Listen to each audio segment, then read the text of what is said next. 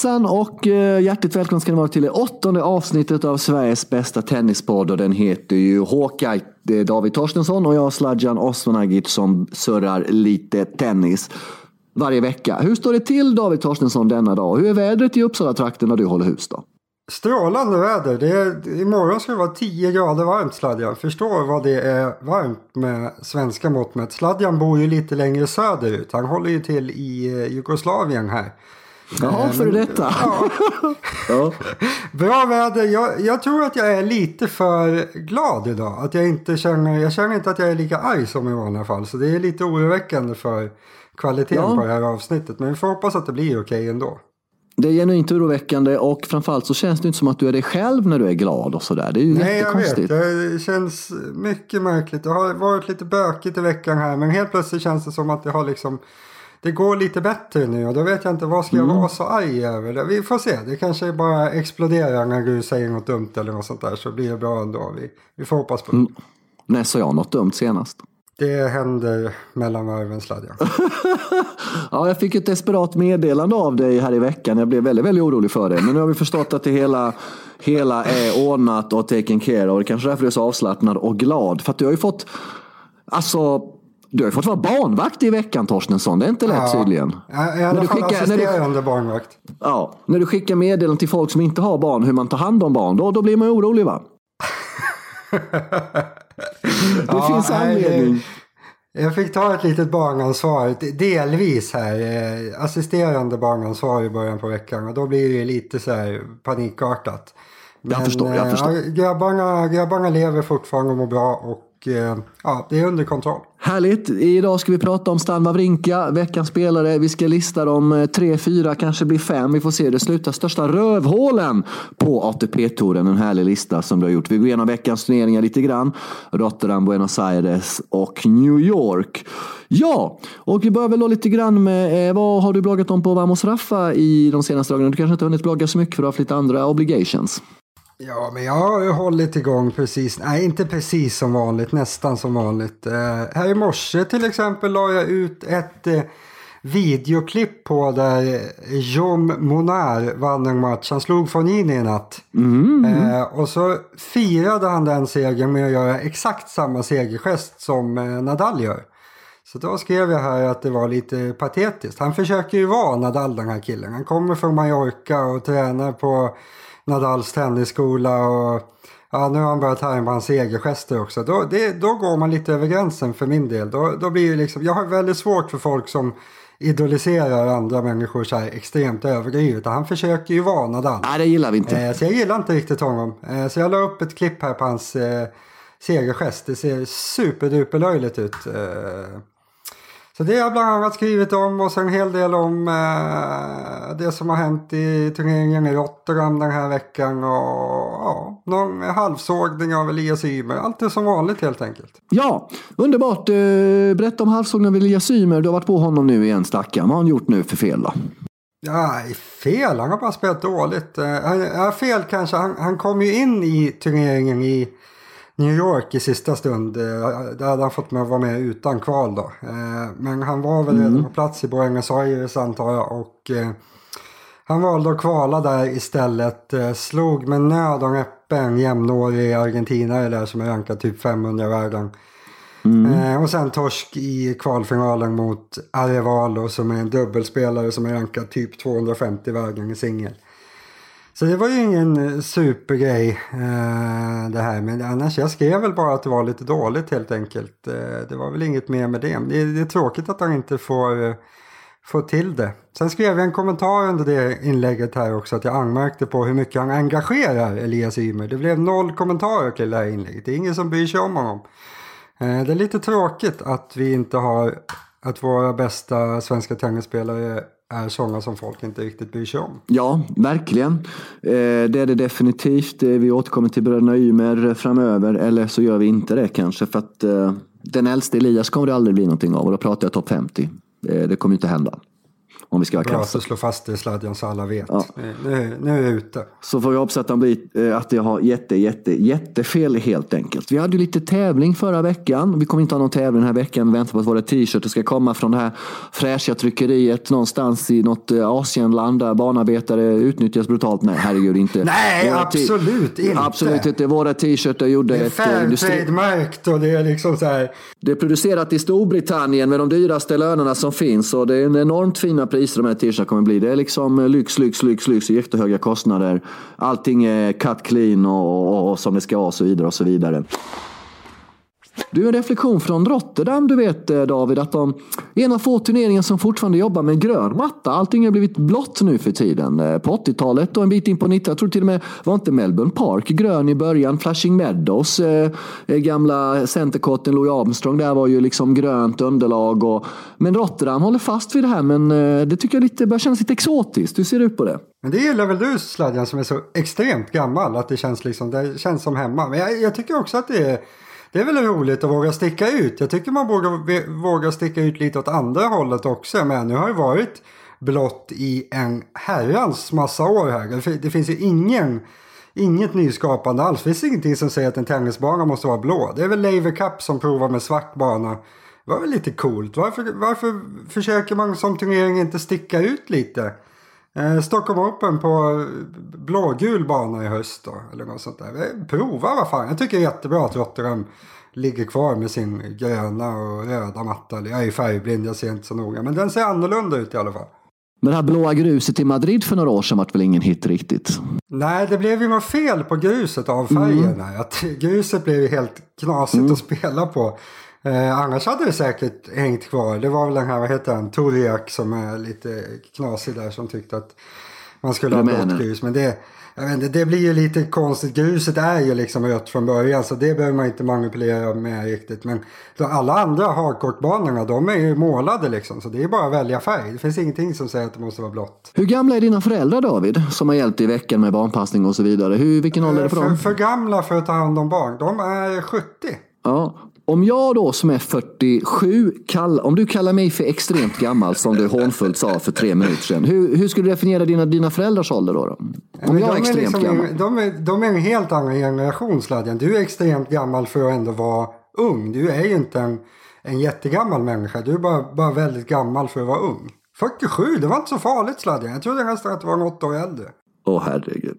Okej, vi går vidare här i Hawkeye, Sveriges bästa tennispodd. Lite ovanligt avsnitt och det är som David Torstensson råkar vara på gott humör. Vi har kört sju program innan detta och det har varit på ett jävla dåligt humör. Och då känner man igen dig. Då, har vi bra, då är det bra surr. Nu är du glad och det känns jättekonstigt alltihop. Känner Ja, det är bara skit. orostankar i magen. Du, vi har fått en eh, tittarfråga på mail också. Eller på Twitter var det av Tomislav Motavdzic. Och det går också bra att mejla frågor in till oss. Då är det Hawkeye snabela.betta.com frågor. Och vad Tomislav undrar då är varför är det gubbar, lite äldre män, gubbar då som är Ja, bollkallar? det har du koll på Sladjan. Ja, men låt mig läsa klart frågan för guds skull. Men här alla frågan. hör, du är så jävla långsam. Kom igen nu. Ja. Ja, i den här turneringen i New York då. Och då har det väl kopplat till US Open där då, där de använder sig av äldre bollkallar i de sena nattmatcherna. Om en nattmatch då kanske slutar två på natten lokal tid så är det inte så bra för bollkallarna som om de är 11, eller 12, 12 år i minimiåldern eh, att åka tunnelbana eller public transport så sent på natten. Men Tomislav, jag har inte sett någon match från i den här New York Open, men Tomislav sätter sett det bara äldre eh, bollkallar och i, eh, i US Open så är det från 12 år och uppåt. Man har väl ingen övre gräns sådär. Ja, men det är väl lite i, alltså i eh, Nordamerika är väl lite av en kultur där. Att man har liksom vuxna som är mer funktionärer än man- att man har eh, barn som bollkallar. Det är väl lite kulturskillnader där tror jag helt enkelt. Det tycker jag är jättebra. För alltså, jag har aldrig förstått det här riktigt med att man ska ha barn som passar upp på idrottsmän i i tävlingar. Det är inte så jättevanligt att man har det inom andra idrotter liksom. Utan man, man har ju mer eh, oavlönade eller avlönade funktionärer liksom. Och man ser vanliga tennisturneringar, barn tar ju ledigt från skolan och grejer för att, för att kunna springa och hämta handduk åt spelarna. Jag vet inte om jag tycker att det är så jävla bra egentligen. Jag tycker att det är bättre att ha de här gamla farbröderna som man har i USA istället. Jag gillar det. Ja, men det blir lite dumt kanske ibland på Challenger-touren när man har äldre herrar och, eller damer som linjedomare kan bli fel ibland. Eh, det, där går gränsen kanske va? Ja, och där, eh, på, på tal om bollkallar så kan det ju vara väldigt, väldigt gamla människor som är bollkallar. Det kan vara, på tal om 70-åringar så kan det vara både 70 och 75-åriga tanter eh, som springer och hämtar upp bollen vid nätet där. Då känns det lite knäppt åt andra hållet att man ska utnyttja gamla åt att göra sånt som de egentligen inte orkar. Eh, så här, det, det är lite både och, men jag tycker att det är bra att med vuxna som bollkallar. Mm. Ska du ta listan om eh, största rövhålen på touren då? Det har jag ju sett fram emot i några dagar nu. Du har ju varit väldigt, väldigt velig har det varit. Du har varit väldigt fram och tillbaks här liksom. Eh. Men nu har du bestämt dig. Ja, jag får ju press på mig när jag ska göra och, och sånt där. Då, då känner Aha. jag att nu, men nu måste jag dammsuga alla hela tennisvägen på rövhål och så känner jag men nu har jag missat någon och så Vad jobbigt liv du har Torstensson. Du har inget att bidra med. Du säger bara... Du har för fan gett dig flera namn som du dissar direkt. Som, som du ändå sen vill ha med på listan. Du är helt hopplös ju. Emellanåt. Ja, nu sa vi i alla fall så här att ja, vi tar någorlunda, någorlunda nutida spelare. Då snackar vi ja. 2000-talet eh, säger vi ungefär. Så vi tar eventuella ja. äldre spelare Sen. efteråt. Ja, okay, okay. Eh, och det blev en topp tre-lista här med delad tredjeplats. eh, och den delade tredjeplatsen det är Kyrgios och Tomic. För jag kom in med en grej här ser du. Ja, de är väl lite, egentligen är de väl lite kompisar de där två. De har väl eh, i alla fall bitvis hängt ihop lite grann. Ja, eh, lite tidigare. Ju, ja, och båda är otroligt knäppa. Eh, vem, vem hade du eh, valt på tredjeplatsen? Eller hade du också kört delad tredjeplats där? Nej, jag tror... Eh, nu, är vi, nu, nu blir ju SM i spekulation och det är i sig ofta intressant. Men jag hade nog... Jag, om du sätter en pistol mot tinningen här mot mig och säger att mitt liv hänger på detta. Skulle jag lägga in ett bett på att Tomic är det något större rövhålet än Kyrgios. Vad de har gemensamt är ju att du är två exceptionella tennistalanger. Alltså verkligen exceptionella. Alltså, den råa talangen som finns hos dessa två, den är, den är nästan unik. Eh, och Tomic har ganska lite olika, liksom lite specifika spelstil också. Framförallt Tomic kanske, men eh, det är väl attityden de har problem med. Rövhålsbarometern eh, eh stiger väl i deras attityd och förhållningssätt till sporten, till sig själva, till sin omgivning och så vidare. Jag menar, Kyrgios har ju egentligen varit öppen från dag ett med att han tycker basket är roligast. Han vill helst spela basket mm. ju. Mm. Eh, och Tomic, det är väl Tomic eh, lite likadant egentligen. De, det har, har de väl gemensamt att de har någon slags, eh, vad heter det? problem med att de själva håller på att spela med tennis. Eh, komplex är ordet jag vill eh, ja, åt. De vill ju egentligen göra något coolare båda två. De vill inte vara några löjliga tennisspelare liksom. Och då, då blir det fel. Ja, lite så känns det framförallt med, med, med Kyrgios kanske. Tomic verkar mer intresserad av, liksom, eh, när han blir kritiserad för sitt spel eller sin ranking, då hänvisar han till att han har pengar, att han är ekonomiskt safe resten av livet. Så det verkar ha varit en ganska stor drivkraft eh, för Tomic, eh, om vi ska leka SM med amatörpsykologer här då. Välkomna till psykologkvarten. Så, så, så, så verkar Kyrgios mer liksom,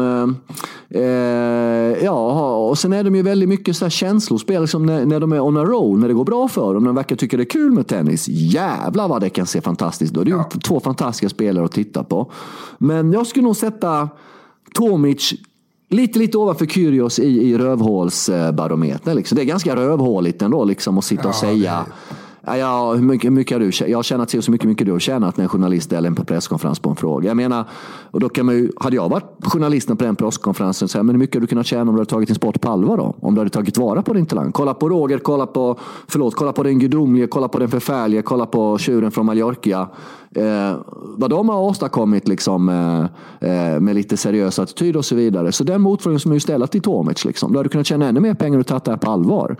Eh, Sen verkar ju Kyrgios ha lite bättre folk runt omkring sig. I, i, i Bernhards fall är det väldigt mycket föräldrar och familj runt omkring som har åsikter hit och dit och blaha blaha. Plus det här då liksom allt tjafs med Jovic som vi tog upp förra veckan och allt det här då liksom tar ju väldigt mycket fokus. Eh, Kyrgios verkar vara lite mindre angelägen om att bråka eh, än vad Tomic är. Men det är väl Balkangenetiken Tomic har. Jag vet inte, vad tror du om det Torstensson? Du kanske inte vågar säga någonting om detta just nu? Nej, jag, jag vill fortsätta på, på listningen. Jag tror också att jag skulle okay. ta Tomic på tredjeplatsen här. För jag tror att Kyrgios, om man, om man tar tennisracketen ur Kyrgios, om man säger du får inte spela tennis på ett halvår. Då tror jag Kyrgios skulle kanske vara en ganska trevlig pick. Det verkar ändå som att vid sidan av banan är han inte helt dum i huvudet utan då kan han vara ganska rolig. Eh, han, han mår nog helt enkelt inte så jäkla bra av att spela tennis. Han, han gillar det nog inte riktigt. Så, eh, ska vi stryka Kyrgios och bara säga Tomic på tredje plats eller? Ja, vi gör det. Kyrgios kommer ju, vad undrar han gör till helgen? När vi kollar på NBA All-Star-matchen där kan jag tänka mig. Som basket-tok som han är. Med ett så basketlinne på sig och han sitter där och ja. Ska vi, ska vi ta min andra plats? Ja, det tycker jag. Det är lite nyfiken på det. För nu börjar det ju dra ihop sig som det, säger, som det heter. Och det här blir ju väldigt tveeggat. För det här är en, på många sätt en av mina favoritspelare. Jag tycker att han är en av de som har varit bäst utan att folk har förstått det på något sätt. Mm. Eh, Guillermo Coria från Argentina. Han var världstrea som bäst. Eh, kom väl till final i eh, Franska öppna som eh, bäst 2004 eller hur det var. Eh, mm. Han var ett, tyvärr så var han ett riktigt jävla svin. Fast jag tror inte att folk, alltså när man tittar igenom allt, han har precis alla parametrar som krävs för att lägga in någon i rövhålsfacket. Mm. Eh, han, han, dels, framförallt så har han varit osams med alla sina landsmän. Det finns, om ni söker på klipp med honom och så kollar ni på vilka argentinare som var aktiva ungefär samtidigt. Då ser ni att han, han har liksom varit riktigt osams med sina landsmän under matcherna. Det är liksom det är inget bra tecken.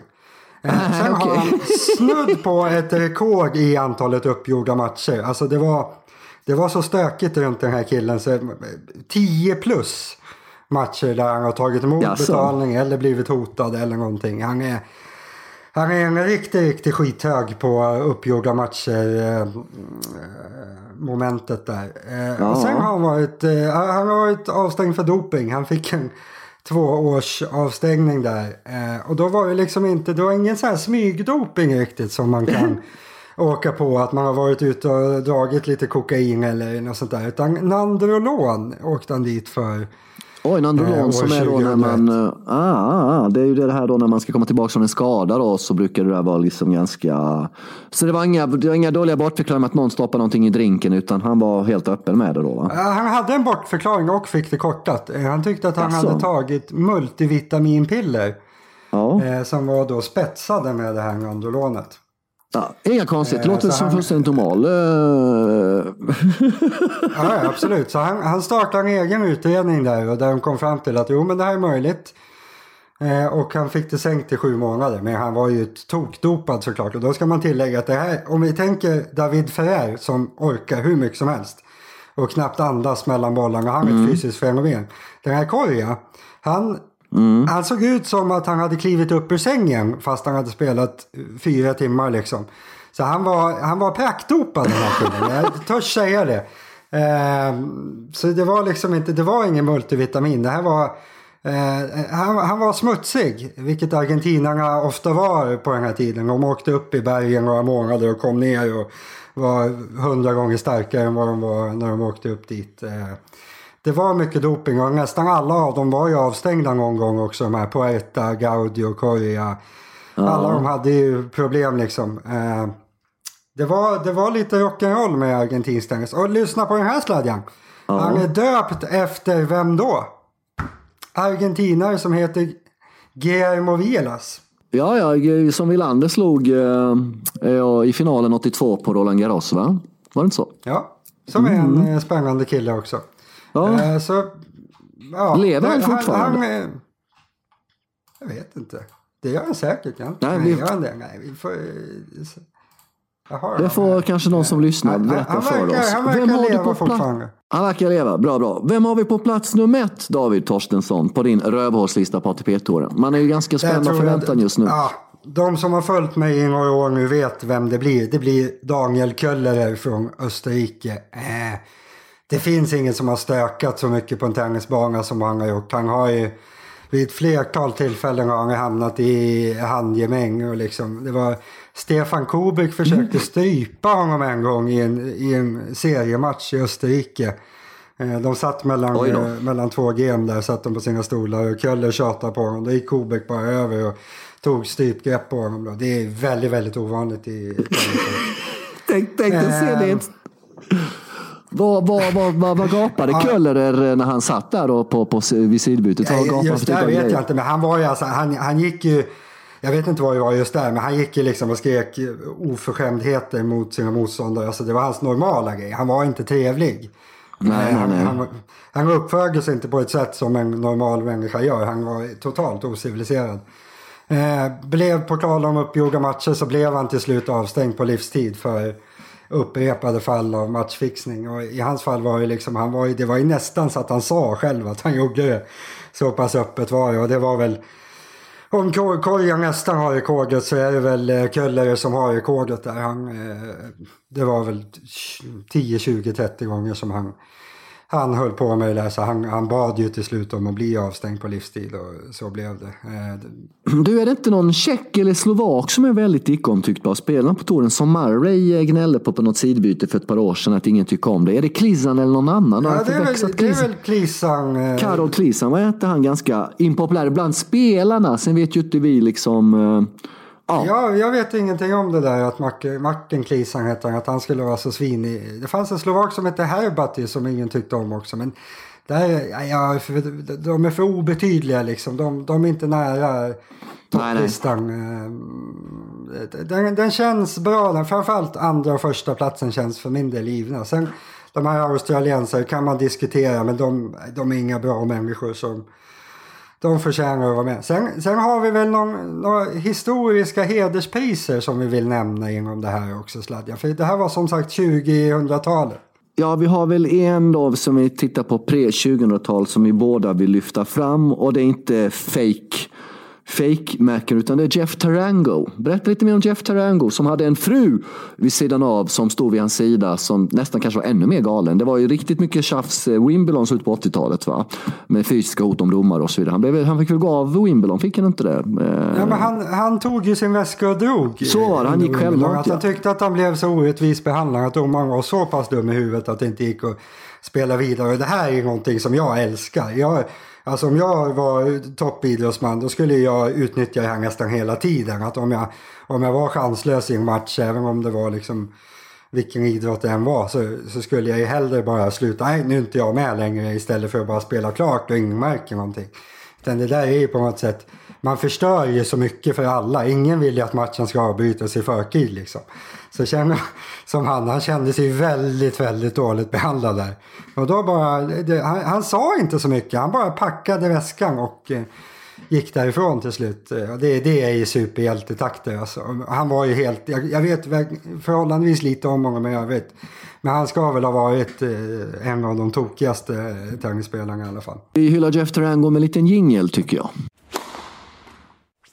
Då är vi tillbaka i Hawkeye, Sveriges bästa tennispodd. Eh, veckans turneringar då snabbt David. Rotterdam, Buenos Aires, New York. Eh, vad känner ni för dem? Vem vinner? Vem tror du tar hem respektive turnering? Eh, jag tyckte Wawrinka imponerade igår när han slog eh, Ronic. Såg lite bättre ut. Och när Wawrinka ser lite bättre ut då måste man ju plötsligt eh, ta honom på allvar. Jag menar, eh, Wawrinka i en 500-turnering, han ska ju, i grunden ska han ju alltid vara favorit i de där. Om man börjar hitta någonting nu, varför inte? Eh, han kan ha bra chans där. Eh, New York, Isner är väl favorit där. Eh, Buenos Aires, eh, ja, har inte hänt så mycket än. Schweizman har väl bra chans där antar jag. Vi stannar vid Wawrinka då som vi har som veckans spelare. har haft väldigt besvärliga två senaste säsonger kan man säga då med skador som har lett till operationer och sen är det alltid kompli- komplicerat att komma tillbaka då liksom. Han har väl kanske inte riktigt ännu kommit tillbaks till den nivå han var på innan eh, skadeuppehållet och sådär. Om vi börjar i den här änden, tror du han kommer komma tillbaks till den nivån? Ser du att det finns förutsättningar för det? Att hota om att vinna Grand Slams, framförallt de här tre som inte spelas på gräs då? då? Ja, alltså, hota om att vinna Grand Slam, där, där finns det väl en möjlighet. För det blir en, på något sätt en punktinsats, liksom att han är väldigt bra en kort tid. Eh, sen, jag vet inte hur pass, det man ska säga om Wawrinka, frågan är ju hur pass bra han har varit stabilt när han har varit som bäst. Han har ju liksom inte, han har varit rankad tre i världen och sådär, men normala veckor har han inte varit så fruktansvärt bra. Det har ju mest varit poäng från från eh, ja, stora turneringar där han, har, där han har tagit många poäng. Liksom. Jag tror inte han kommer nå tillbaka riktigt till den nivå han, han höll. Eh, sen bli hota i stora turneringar någon gång, absolut. Eh, det tror jag, men han har en bra bit kvar, eller hur känner du? Ja, just nu har han ju en bra bit kvar. Han är ju också en väldigt fascinerande spelare för att han äh, Han har spelat tre Grand Slam-finaler och vunnit äh, allihop. Va? Eh, han har väl inte förlorat någon Grand Slam-final, jag kan komma på på rak arm. Han slog Nadal i Australien, slog Djokovic i, i, i Roland Garros och slog även Djokovic i US Open. Han har alltså vunnit tre av fyra Grand Slams. Och även om då liksom, det säger någonting om vilken jävla vinnarskalle han har, för han är ju fan bäst när det gäller. De här vanliga veckorna kanske inte han imponerar. Eh, där tycker jag att det är en riktig tävlingsmänniska. Det är någonting man vill lyfta fram vad det gäller Wawrinka. Kanske extrem i dagen. Han kanske är nästan den största tävlingsmänniskan eh, om du ser på toppnamnen på touren idag. Post kan jag kanske påstå. Ja, men det, det, tror jag på ett sätt. För han har ju en eh, fruktansvärd förmåga att vara som allra bäst när det passar som bäst. Liksom. Att han har vunnit tre slams, det är, ju, det är ju helt otroligt sett till hans nivå i övrigt. Jag menar, han har inte vunnit så många titlar i övrigt och han är sällan så bra. Men just när det har varit slams några gånger så har han varit fruktansvärt bra som du säger. När han väl får chansen i finalen, då vinner han ofta. Så, ja, stor tävlingsmänniska, inget snack om den saken. Utan sen i mindre turneringar, då åker han ofta tidigt. Och, och bryr sig inte så mycket liksom. Men när det väl gäller då är han, då är han på det alltså. Då, då är han bra Stan. Eh, vi får väl se om han kan eh, hitta tillbaka. För vi vill ju det. Vi gillar ju Wawrinka på något sätt. Han är, han är ju väldigt sevärd. Det, det går inte att säga någonting annat än. Vem har snyggast backhand? Den gudomlige eller Standerman? Snyggast? Oh. Jag vet inte om jag mm, tycker mm, att Wawrinka är så jävla snygg. Ja men det blir, det blir Federer. Det blir Federer. Ja men det är inga konstigt. Äh, Stans klart, klart bättre men äh, snyggast Federer. För förfrågan var, vem har den effektivaste backhand? Ja, nej, det är Stan Stang. Han, har ju, han är en av få spelare som har nästan lika bra backhand som forehand. När man säger att någon är backhand-specialist då mm. tror ju alla att ja, han, han vill spela backhand. Han har mycket bättre backhand. Eh, det är nästan omöjligt att ha bättre backhand än forehand. För forehand är ett så mycket lättare slag att slå. Att liksom, eh, har, du, har du bättre backhand än forehand då måste du nästan ha lika dålig forehand som Ben och Per har. Typ. Det går mm. nästan inte. Men Wawrinka har väldigt jämnt mellan de slagen. Uh, och det är otroligt sällsynt. Det, det finns mm. nästan ingen som har. Titta på Djokovic till exempel som har mycket, mycket bättre forehand än backhand. Han, han, kan avgöra bollen på ett helt annat sätt med forehand. Men uh, han anses just för att han har förhållandevis så bra backhand. Det är det man pratar om. Men nu ska vi inte gå in på det. Men Wawrinka har ju exceptionellt bra backhand. Så är det ju. Nej, för du får inte prata illa om den förfärlige. Då blir jag ledsen. Skoja med det bara. Du, uh, det är väldigt mycket ganska mycket med Stern mer än de andra då om vi tittar på om vi, tar, vi kallar dem för topp fem då, topp tre, eller det Big Three plus de andra två, Murray och Wawrinka som har vunnit Grand Slams de senaste åren. Man kan väl Martin Del Potro också kanske om man vill. Det, vet, det händer rätt mycket vid sidan av eh, David med Stan the Man. Det är inte bara att han bytte namn från Stanislaus till Stan i passet. Han har dubbla medborgarskap. Det är väldigt få som pratar om något tyst medborgarskap.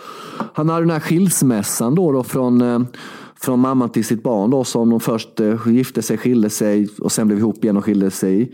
Sen tillsammans med Donna Vekic som spelar på VTA-touren. Eh, vi hade den incidenten med där Kyrgios provocerade honom under en match, jag tror det var i Montreal eller Toronto för några år sedan, eh, där han påpekade att Kokanassis har haft något visst samröre med Donna Vekic innan Stan kom in i bilden. Det var inte sådär jättesnyggt kanske, så det var inte sådär jättebra stämning mellan dem. Kan man ju fundera på. det händer lite kring Stan Man, gör det inte det? Det känns som, han känns ju väldigt tråkig. Det känns inte som han vill att det här ska hända riktigt, men det händer ändå.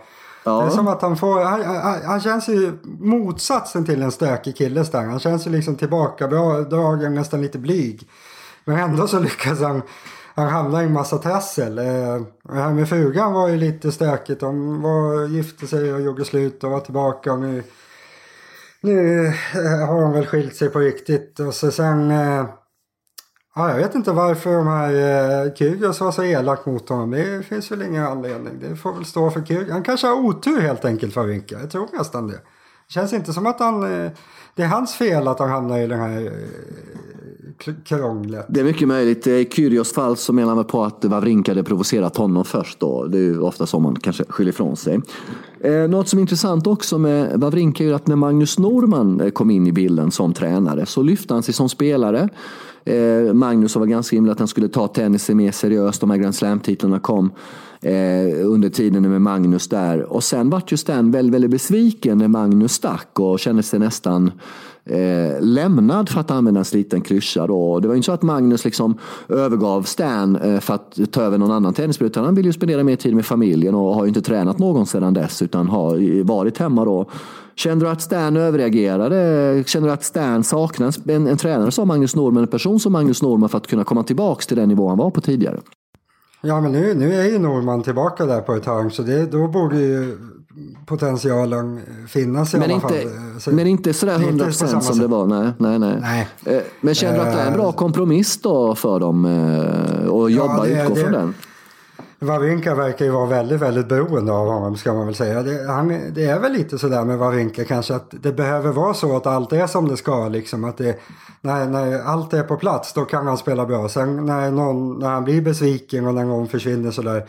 Då går han ner lite i, i källan liksom. Att han kanske har lite bökigt med det mentala ibland kan jag tro i alla fall. Att det är det som gör att han har så långa dippar. Nu har jag varit skadad också eh, på senare år. Men på tal om Norman, det var ju han som liksom tog Wawrinka från att vara runt 20 till att bli en som kunde vinna slam. Så I alla fall på det mentala området så var det ju Norman som gjorde hela skillnaden där från början. Eh, sen om det går att göra samma sak nu, nu har det väl mer varit skador som har gjort att han har droppat av lite på senare år. Eh, Wawrinka, så eh, ja.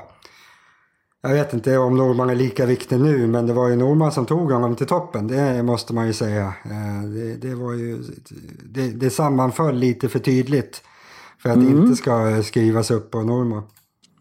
Och det han kanske fått, en annan sak som fick väldigt, väldigt mycket uppmärksamhet eh, kring Stan the Man och eh, Roger Federer var ju i samband med ATP-slutspelet i London två, tre, kanske fyra år sedan då när Mirka Federer säger crybaby till Stan under matchen och Stan går fram till domaren. Och nu är hon det igen, hon gjorde det i Wimbledon också. Där finns det någonting. Som inte känns helt hundraprocentigt. De, har väl alltid, Wawrinka har ju Federer som idol liksom. Eh, jag vet inte riktigt varför hon skulle vara elak mot honom. Det kanske, det kanske är lite allt. Han är lätt att trycka ner. Wawrinka. Han känns väldigt lättmobbad. Eh, jag vet inte hur elaka vi ska vara mot den gudomliges fru här. Men hon kanske, är, kanske har någon sån där tendens. Det, kalla honom för crybaby känns inte som något bra beteende riktigt. Särskilt inte mot Wawrinka som känns eh, from som ett lamm. Så det är väl också det där. Det kanske, allt kanske är bara att det är lätt att, det är lätt att trycka ner Stern. Han är alldeles för snäll. Eh, kan vara så. Eller känslig. Jag menar, en gång är ju ingen gång, två gånger en vana. När det hände andra gången så blev man lite fascinerad. Och då att Davis Cup-finalen avgjordes veckan efter den, den, den veckan då där Roger och Stan vann eh, Davis Cup tillsammans då. Eh, Ja, men det ligger nog mer hos Mirka än hos Stan där. Men man blir ju ganska, det är ju en sån ögonbryn. Ska du berätta, vad tycker du om Mirka Federer, Sladjan? Tycker du att hon är en bra tjej? Ja, men det ska jag kunna veta om hon är en bra tjej eller inte. Ni aldrig har träffat människan i fråga. Du kan väl utvärdera henne lite utefter dina egna uppfattningar här. Ska jag utvärdera henne när hon sitter i en tennisbox och tar hand om två ja. barn och tittar på sin man när han spelar tennis? Du, du tycker jag ska att du inte dömer folk bara så nej, nej, nej, nej, nej, nej, okej. Okay. Nej, däremot, nej, nej, det har jag absolut inte sagt. Men du liksom, eh, ja, du, du liksom eh, kanske ganska svårt att träffa rätt. Däremot tycker jag det är förfärligt att hon då Säg en sån sak som Crybaby till, till Stan mitt under match. Liksom, sagt Varför som gör de det? Är det för att hjälpa Federer? Eller vad, ja, det är klart att det är för att, hjälpa, för att hjälpa Roger den gudomlige. Jag menar, liksom, här sitter hon ju ändå, är, är hustru till Roger den gudomlige och vet ju då vilket fokus det är på henne om hon säger en sån sak. Man vet ju inte om det var någon dold agenda eller något annat idel Och att hon har gjort det förut mot en landsman, mot någon som ser upp till Roger den gudomlige. Allt det här. Det tycker jag är jättekonstigt. Jag tycker verkligen att det är jättekonstigt. Eh, Eh, ja, så jag vet inte riktigt. Eh, det var ett roligt klipp här då för inte så länge sedan eh, när då en av tvillinggrabbarna, Rogers tvillinggrabbar, håller på, och, och, håller på med Ljubicic ansikte. Eh, en av Rogers två tränare. Eh, och liksom Mirka sitter bredvid och, och, och, och, rättar inte till ungen, säger inte åt ungen att sluta något utan han får hålla på hela tiden. Lenny, vad heter han? Jag vet inte, Lenny, Lenny och Leo. Eh, Lenny och Leo heter de väl, hans tvillingar? Va? Lennart heter han väl för guds skull inte? Jo, han heter ju Lennart, men han kallas ju Lennart. Det är det som är så roligt. Eh, står det Lennart i dopatesten? Är du hundra ja. på det alltså? Okay, 97. Då... 97. Där tycker jag kanske då att man kanske hade kunnat eh, ja, bett ungjäveln sluta dra Ljubicic i ansiktet mitt in framför alla världens tv-kameror.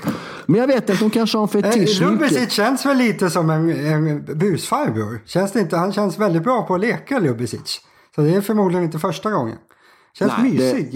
Jag vill också sitta och dra Ivan i ansiktet. Han, känns mysig. Ja, det är mycket möjligt. Så att, eh, men eh, ja, eh, lurig fråga om Mirka där liksom. Men eh, ja, nej, jag vet inte vad jag ska säga riktigt om det.